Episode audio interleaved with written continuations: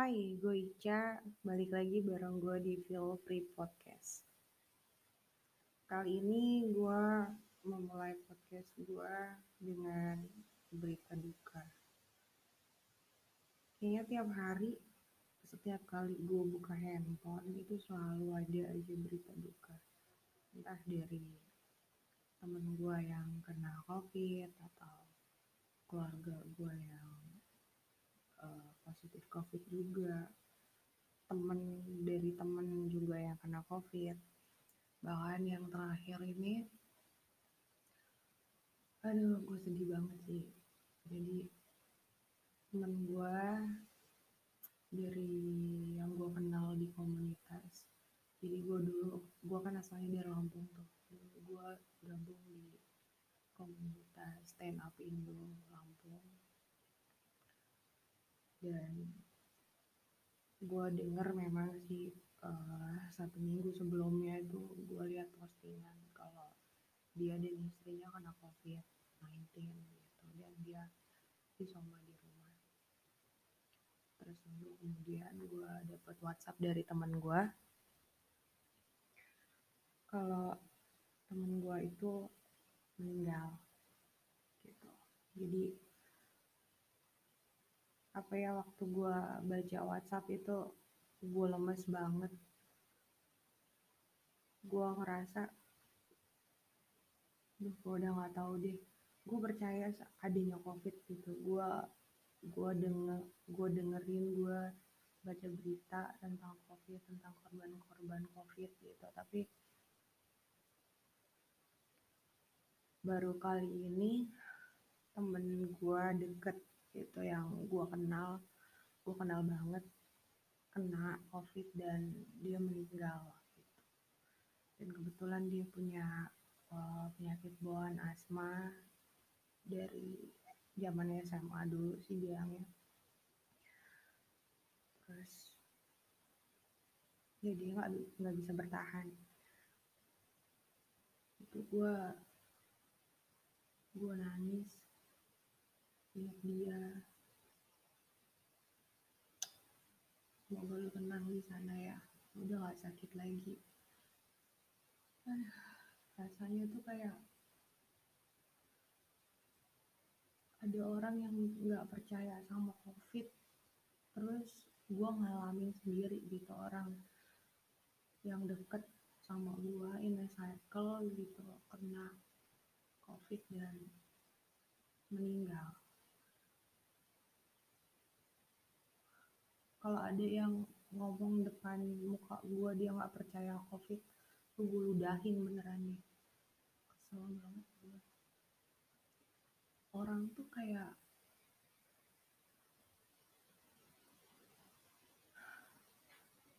nggak bisa ngomong lagi gue kayak apa ya gue baca postingan-postingan temen-temen gue yang nggak percaya covid bilang covid itu flu biasa. Enggak men itu bukan flu biasa. Kalau flu biasa oke okay, lo minum obat lo minum vitamin C terus lo bawa tidur lo sembuh. Tapi ini enggak ini lebih mengerikan daripada cuman sekedar flu biasa.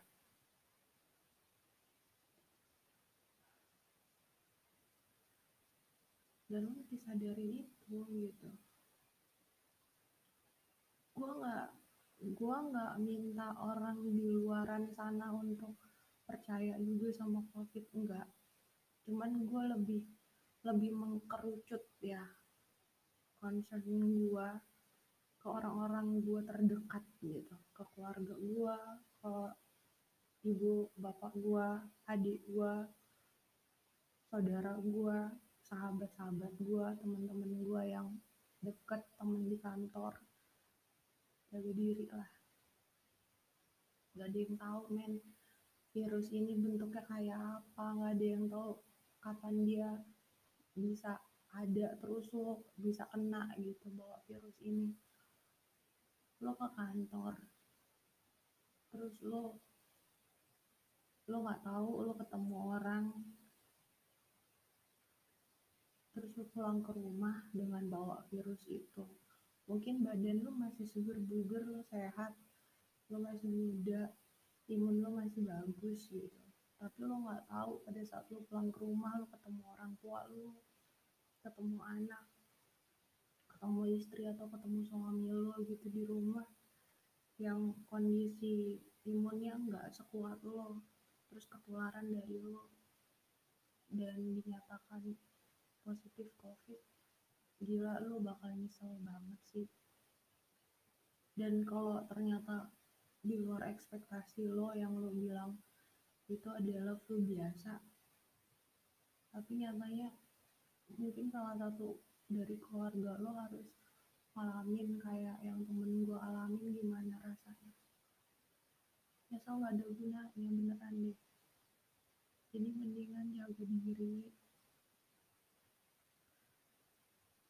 jaga kesehatan lo jaga keluarga lo jaga orang-orang yang lo sayangin. Itu aja dulu. Circle lo yang paling kecil aja dulu.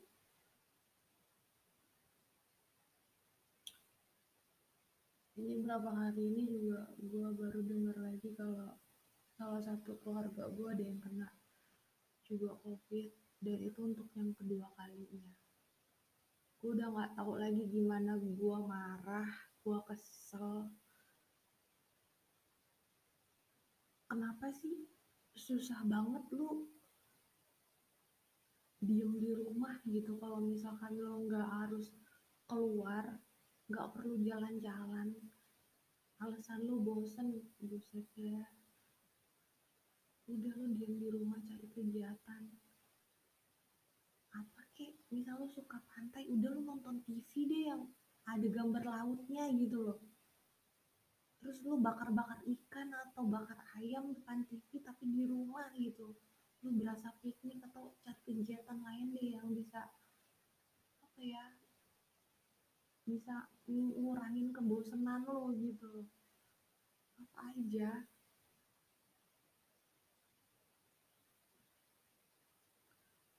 gue ngerti gue ngerti. Kita kerja kita butuh cari makan kita mesti keluar. Lu nggak boleh takut iya lu nggak boleh takut tapi lu harus waspada. Waspadanya caranya gimana? Gampang. Lu pakai masker rajin cuci tangan pakai hand sanitizer jaga jarak. Udah sampai rumah mandi. Yang bersih baru lo ketemu sama anggota keluarga lo. Itu caranya buat menjaga orang-orang di sekitar lo orang-orang yang lo sayang. Gue sedih banget sih ngomong kayak gini karena gue di Bali gue tinggal sendiri. Gue jauh dari keluarga gue. Gue cuma bisa teleponin mereka nanyain gimana mereka sehat apa enggak yang gitu gue nggak kebayang kalau kalau satu hari nih pada saat gue telepon salah satu keluarga gue orang tua gue atau adik gue atau siapa kena virus ini. Gimana rasanya? Itu aja. Kalau misalkan lo masih ada yang nggak percaya terserah lah. Cuman saran gue satu sama kayak di episode kemarin tuh jaga kesehatan jaga diri buat diri lu sendiri. Nggak ada salahnya kok. Nggak salah lu. Cuci tangan lu nggak salah kok. Lu pakai masker lu nggak salah kok. Dan itu gampang kok. Beneran deh. Itu hal tergampang, tergampang yang bisa lo lakuin buat diri lo sendiri. Dibandingin kalau lo udah kepapar covid dan lo positif kemarin gue nggak sempet ngobrol sama temen gue tuh. Dia gue nggak tahu sih dia follow berita dari mana gitu yang dia sempat share juga ke gue itu beritanya uh, in sumbernya itu nggak tahu lah dari TikTok gitu. Ngapain lihat berita yang sumbernya dari TikTok lo dia bilang kalau pemerintah dapat dana untuk uh, COVID itu 300 triliun gitu. Lo nggak tahu biaya covid yang ditanggung sama negara itu berapa dari satu pasien aja nih ya. Gue tadi sempet baca-baca isi beritanya gue ngecek untuk biaya uh, covid. Kan biaya, kan kalau orang kena covid itu ditanggung sama negara kan. Untuk satu pasien aja.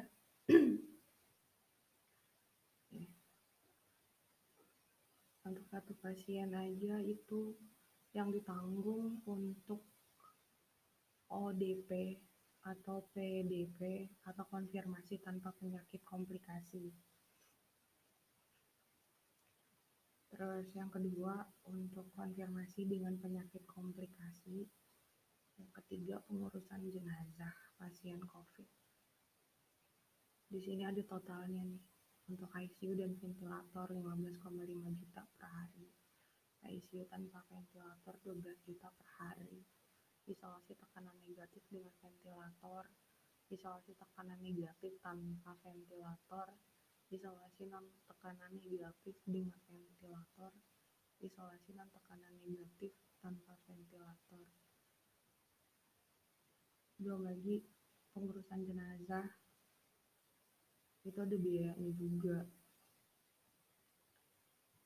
Pokoknya kalau total si A positif COVID dengan penyakit komplikasi mendapat perawatan di ICU dengan ventilator, dirawat selama 2 minggu atau 14 hari berarti biayanya 16,5 juta dikali 14 hari sama dengan 231 juta.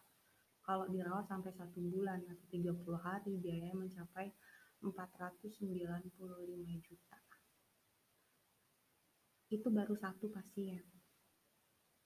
Yang artinya di Indonesia udah berapa pasien yang terkena COVID dan ditanggung sama negara. Dan lo nanya anjing, itu duit ke mana? Ya ke sini. Makanya gue bilang kalau baca berita, itu cari yang sumbernya terpercaya. Jangan main nyangap aja lu mulut. Gak punya dasar main protes dia pemerintah begini begitu gila gue kalau ada di posisi pemerintah nyerah gue berhenti gue beneran dah. Resign gue udah mendingan gue kerja jadi admin aja udah. Enak gue diem di rumah kerja di rumah bisa gue beneran dah. Gue kesel banget dah.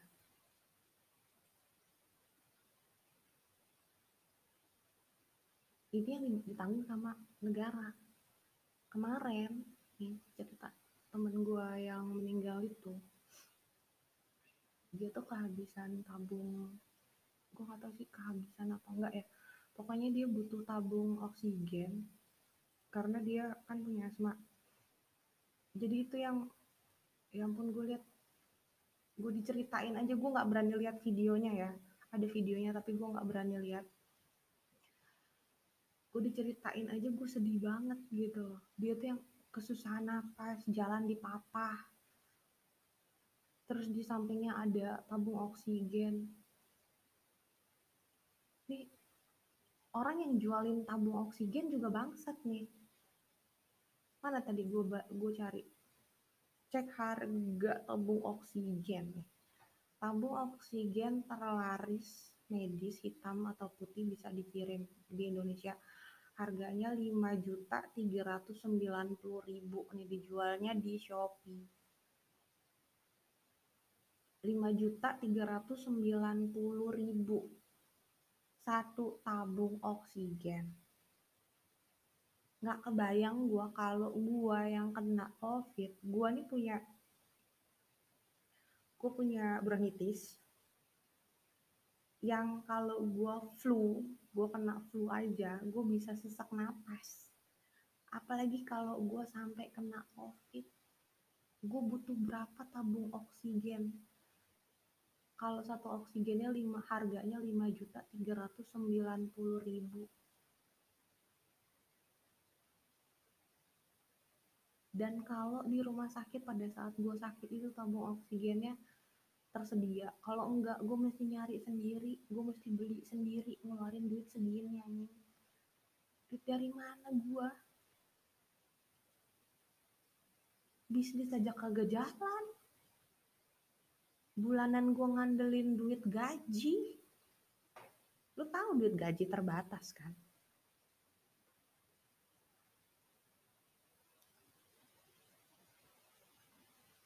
Coba lu pikir orang lu yang nggak percaya sama covid lu pikir balik. Lu pikir deh bolak balik bolak balik lu kalau baca berita itu cari yang sumbernya terpercaya satu. Yang kedua lu analisa dulu pakai otak lu. Jangan cepet bener mulut lu ngucap. Lu pikir dulu biarin ngeloading dulu otak lu. Dianalisa dulu sama otak lu ya kan? Baru ngeluarin opini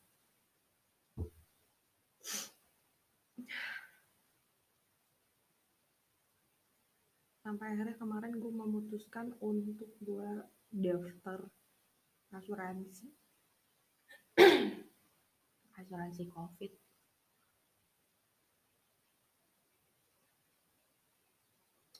Asuransi covid itu preminya 300 ribuan per tahun. Buat apa jaga diri? Gue nggak tahu di luaran sana. Sekarang sih gue WFH ya karena kantor juga menerapkan 50% kan untuk yang bekerja gitu. Jadi di rolling gitu. Cuman gue memilih untuk WFA udah di rumah. Karena semua kerjaan gue bisa dikerjain di rumah selama ada koneksi internet. Gue sampai daftar asuransi covid. Kenapa? Karena gue butuh gue nggak punya BPJS gue nggak punya asuransi lagi kesehatan yang bisa cover gue nggak ada. Jadi gue bayar asuransi covid. Karena itu yang paling yang preminya paling bisa gue jangkau untuk saat ini. Gue mesti ngebagi-bagi kebutuhan harian gue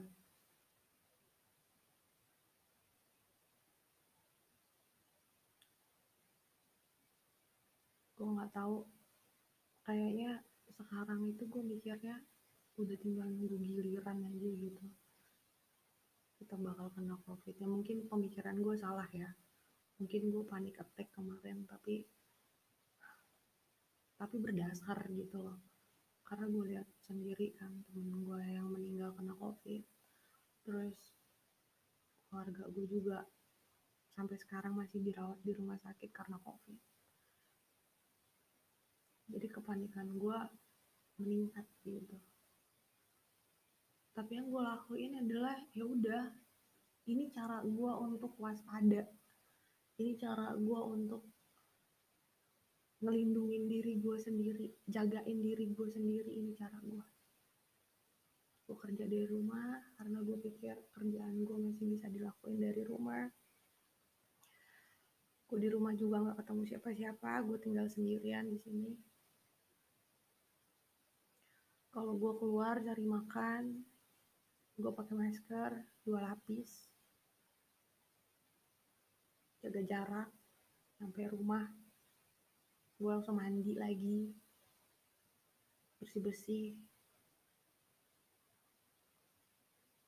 ini yang bisa gue lakuin. Karena nih ya gue kasih tahu saat lo kepapar covid. Gue bukan mau nakut-nakutin ya. Tapi ini ini murni dari isi kepala gue karena kepala gue udah penuh banget. Gue pengen pengen gue omongin gitu loh. Sakit kepala gue kalau nggak gue omongin. Kalau lo kena covid ya yang sedih yang nangis bukan cuman lo karena covid ini ngerepotin. Bener kan penyakit? Virus ini nih ngerepotin orang banget. Kalau kita kena covid satu yang nangis nggak cuma lo tapi emak bapak lo orang tua lo keluarga lo adik beradik lo istri lo atau suami lo anak-anak lo. Nangis semua buat lo sahabat-sahabat lo teman-teman lo juga nangis semua buat lo kalau lo sembuh bagus. Kalau lo meninggal gue gak nyumpahin lo kena covid terus meninggal ya enggak ya. Tapi kalau sampai itu kejadian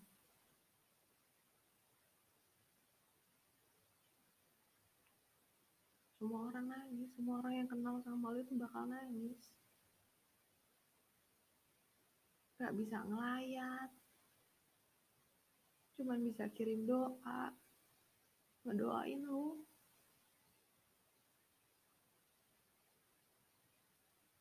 nanti semua teman-teman lo pada posting foto-foto lo captionnya innalillahi lo mau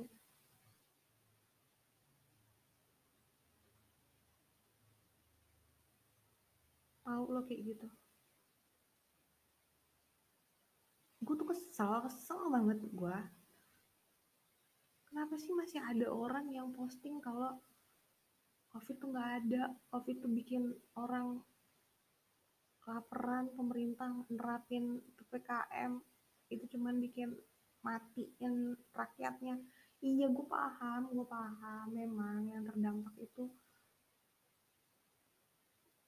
usaha-usaha kecil gue paham. Yang jualan hari ini untuk makan hari ini gue paham paham banget. Di satu sisi gue ngerti. Yang kayak gitu gue ngerti karena gue juga ngalamin bisnis gue juga berantakan bos. Sama. Gue kesel sama pemerintah juga iya sama. Gue juga kesel kok.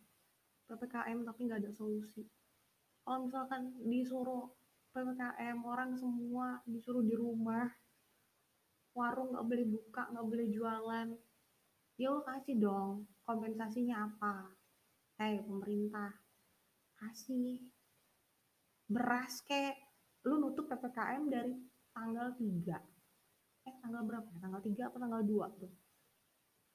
Sampai tanggal 20. Ya lo kasih kompensasi dong.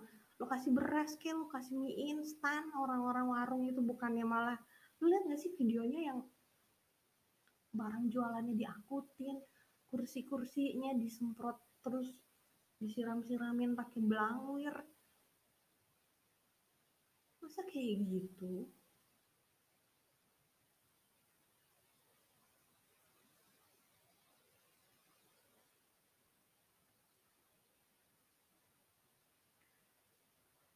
Yang kayak gini nih bikin semua orang itu jadi hilang harapan loh.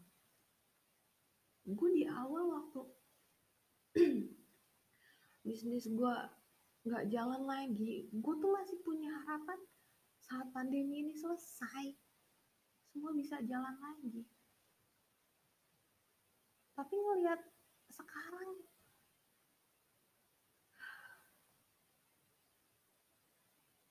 itu gila ya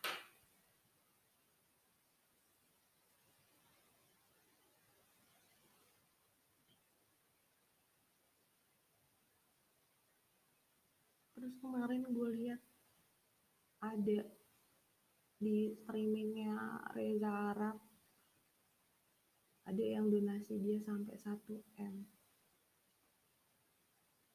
Men lu nggak? Lu nggak? Gue nggak tahu gue mau bilangin lu nggak punya hati. Apa lu apa lu tinggal di goa sih? Lu nggak punya TV Orang lagi pada susah, lagi pada merana kayak gini. Lu donasi 1M buat lihat orang streaming main game. Gue gak nyalahin lo punya duit, ya itu duit lo itu hak lo, lo mau do, lo mau donasiin ke mana kek gereja Arab lu mau donasiin ke panti asuhan lu mau donasiin beliin buat nakes terserah terserah. Itu duit lo gitu. Tapi lo apa nggak berpikir gitu lo di luaran sana banyak orang yang kena dampak pandemi sampai hilang harapan terus nggak sengaja lihat video lu yang donasi sampai 1 M. 1 M kalau lu beliin beras ya yang satu karungnya 25 kilo harga 130 ribu. Lu dapat berapa karung? Lu bisa nyelamatin berapa manusia yang ada di Indonesia? Yang ada di daerah-daerah yang kena dampak covid lo nggak berpikir ke situ iya mungkin. Gue nggak tau lah. Gue nggak mau bilangin otak lo nggak nyampe nggak. Gue lihat lo lo kayaknya terpelajar. Gue lihat lo juga punya perjalanan hidup yang panjang juga gitu loh. Lo ada sampai di posisi lo bisa ngedonasin 1 M orang. Karena lo senang lo respect sama Reza Arab gitu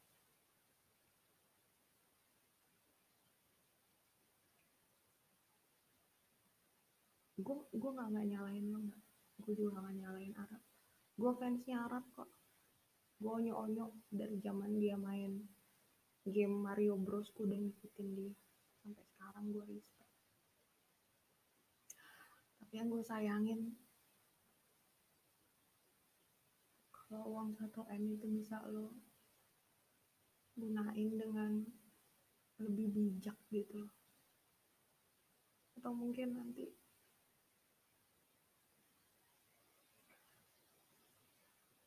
harapnya kali yang bakal lebih bijak dengan uang satu m yang didonasiin ke dia. Gue nggak tahu mungkin dia punya rencana untuk apa gitu yang lebih bermanfaat gitu. karena gue yakin tap lu nggak itu banyak ya kan? Jadi gue yakin lo bisa manfaatin uang itu dengan bijak lah kayak dulu lo uh, lo ngelelang tulisan bukan tulisannya gambar gambar yang mirip kayak lo. Dan ada yang beli gitu. Ada yang menang lelang. Dan uangnya lo beliin uh, tab untuk mereka yang hobi gambar gitu. Itu gue respect sama lo dan gue berharap yang lo terima kali ini gitu itu suatu M gede banget gitu loh. Lo bisa lakuin hal yang sama juga kayak dulu. Gue respect sama lo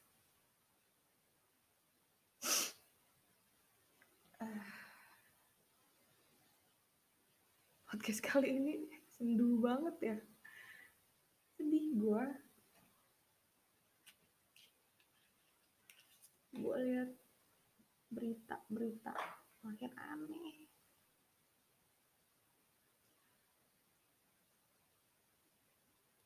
Yang orang-orang yang bisa kerja dari rumah iya pada saat ppkm ini mereka bisa kerja dari rumah. Tapi ada orang-orang yang gak bisa lu suruh kerja dari rumah. Itu ada videonya tukang tambel ban.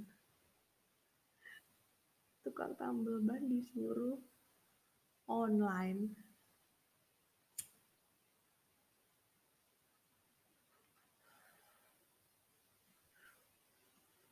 Gimana caranya? Posting di Instagram tambal ban online. Terus cara ngebenerinnya pakai video call. Mana pak? Nggak semua orang usaha itu bisa dikerjain dari rumah. Kalau lo buka restoran mungkin lo bisa GoFood gitu kan lo jual paketan uh, frozen gitu beku gitu loh. Atau di wrapping gitu. Ada temen gue tuh di Lampung dia dia buka restoran jualannya online karena PPKM kan restorannya mesti tutup. Jadi paketannya tuh di wrapping gitu. Terus di situ ditulis sama dia gimana cara buat masaknya untuk restoran mungkin masih bisa. Terus apa lagi yang bisa dijual online ya? Baju. Kalau jualan baju jualan masker jualan barang-barang yang bisa lo jual online masih bisa lah. Tapi kalau yang kayak bapak tambal ban itu ya kan nggak bisa. Ini temen gue juga. Dia kerja di yayasan kan. Uh, eh, SOS namanya untuk pangan pelajar dan anak-anak yatim piatu gitu.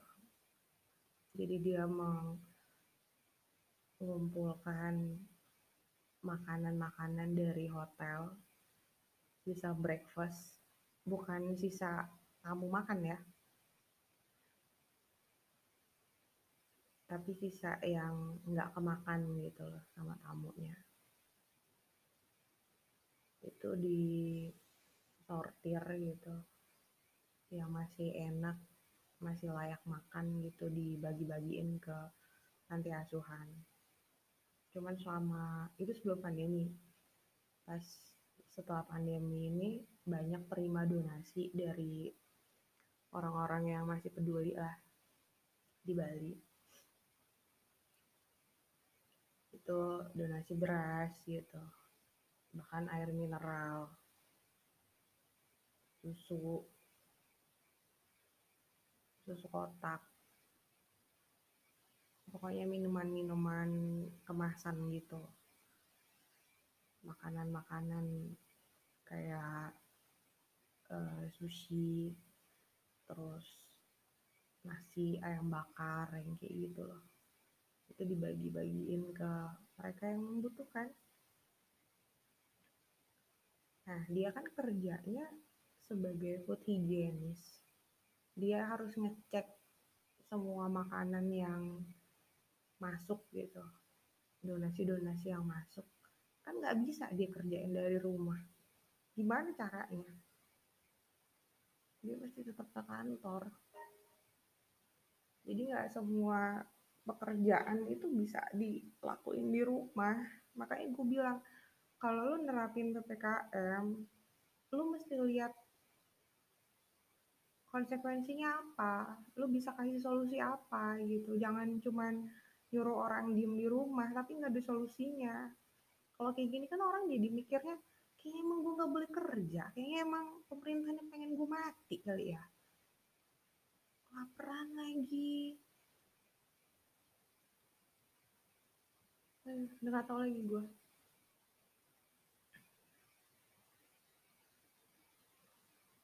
pokoknya gimana pun keadaan lo lah di luaran sana gue pengen lo tetap waras. Karena ini jujur aja tiap hari nih temen gue tuh telepon gue cuma nanya Ica waras hari ini?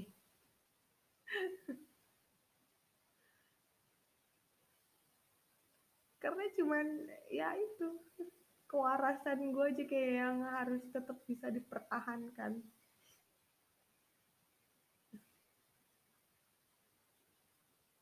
Jadi buat lo semua yang ada di luaran sana gue bakal ngebacot ini terus sih. Lo bosen-bosen dah dengerin gue kalau lo nggak mau dengerin gue ya udah matiin aja podcast ini. Udah usah gak usah didengerin lagi udah jaga diri, jaga kesehatan, sayangin diri lo sendiri, sayangin orang-orang yang lo sayangin, jaga mereka, keluarga lo, temen-temen kantor lo, sahabat lo, semuanya. Saling ingetin, saling ingetin. karena pada saat kita saling ngingetin percaya lo nggak bakalan ngerasa sendirian. Masih ada orang-orang yang peduli sama lo masih ada temen lo yang peduli sama lo masih ada keluarga lo yang peduli sama lo. Dan gue di sini gue peduli sama lo semua. Ya teman-teman gue gue peduli sama lo. Jadi jaga diri lo jaga diri lo orang semua. Keluar pakai masker. Rajin cuci tangan. Jaga jarak. Pulang mandi. Ingat kan kebersihan sebagian dari iman? Udah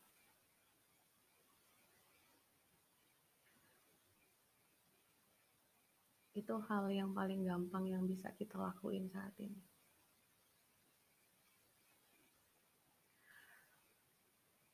Udahlah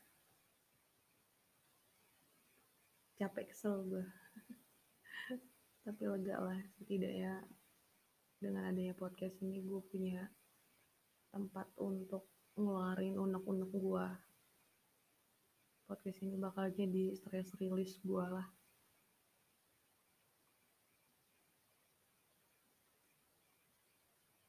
buat lo semua. Jaga diri. Oke. Okay? ketemu lagi di episode berikutnya. Bye